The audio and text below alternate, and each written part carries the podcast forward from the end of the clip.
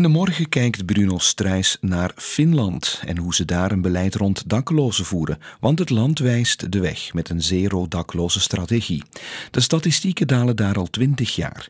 Een van de Finse sleutels is de verplichting voor de gemeente om in nieuwe wijken 30% sociale huisvesting te voorzien.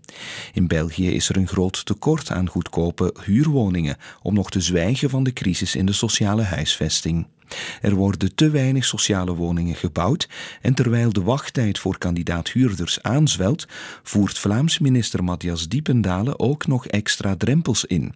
Eerst werken, dan wonen klinkt het. Finland daarentegen zet in op housing first en draait het om.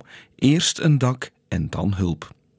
Er is weer eens nieuws over de digitale elektriciteitsmeter. Nu ongeveer de helft van de Vlaamse gezinnen er een heeft, zou het wel eens kunnen dat het daarbij blijft.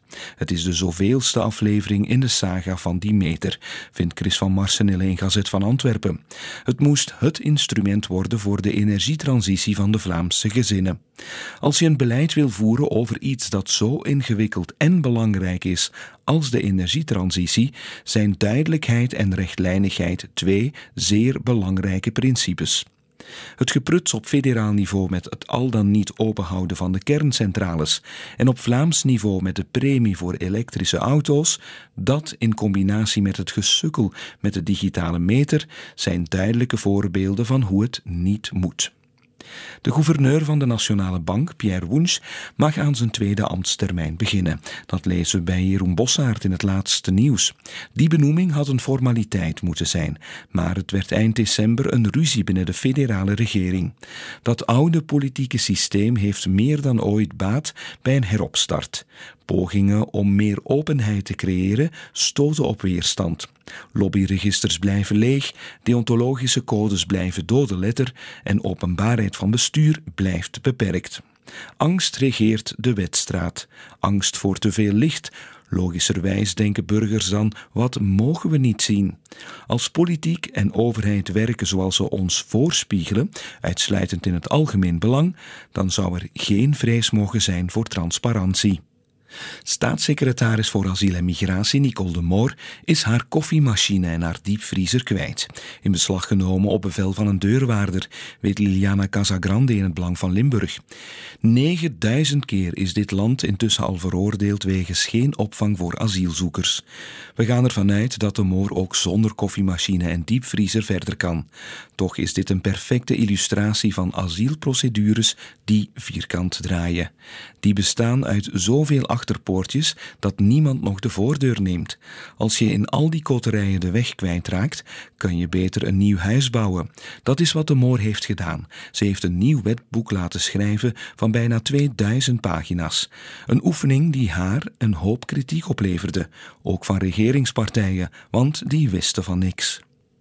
Moet België mee aan de kar trekken om Israël voor het internationaal gerechtshof te brengen voor genocide? Dat is de vraag die Arnoud Gijsels in het nieuwsblad stelt. Binnen de federale regering lopen de meningen uiteen. Op dit moment heeft Zuid-Afrika dat al gedaan. De internationale gemeenschap kijkt handenwringend toe naar de humanitaire ramp die zich in Gaza afspeelt. Oproep na veroordeling, na poging tot diplomatie, het is allemaal geprobeerd zonder veel effect. De rechtszaak zal de druk op Israël nog meer verhogen. De zaak mag en moet gehoord worden. Het debat mag en moet gevoerd worden. Maar des te belangrijker dan een juridisch slijtend bewijs van genocide, etnische zuivering of wat dan ook, is een halt toeroepen aan het geweld. En dat zal aan de onderhandelingstafel zijn, niet op bevel van een rechter. En nog een ander onderwerp bij Ruben Mooiman in de Standaard. Door de geopolitieke polarisatie staat er nu meer op het spel dan enkele jaren geleden. Zowel voor spionerende mogendheden als voor bespioneerde landen. België is zich daar nu terdege van bewust. De regering heeft fors geïnvesteerd in de staatsveiligheid en dat was hard nodig.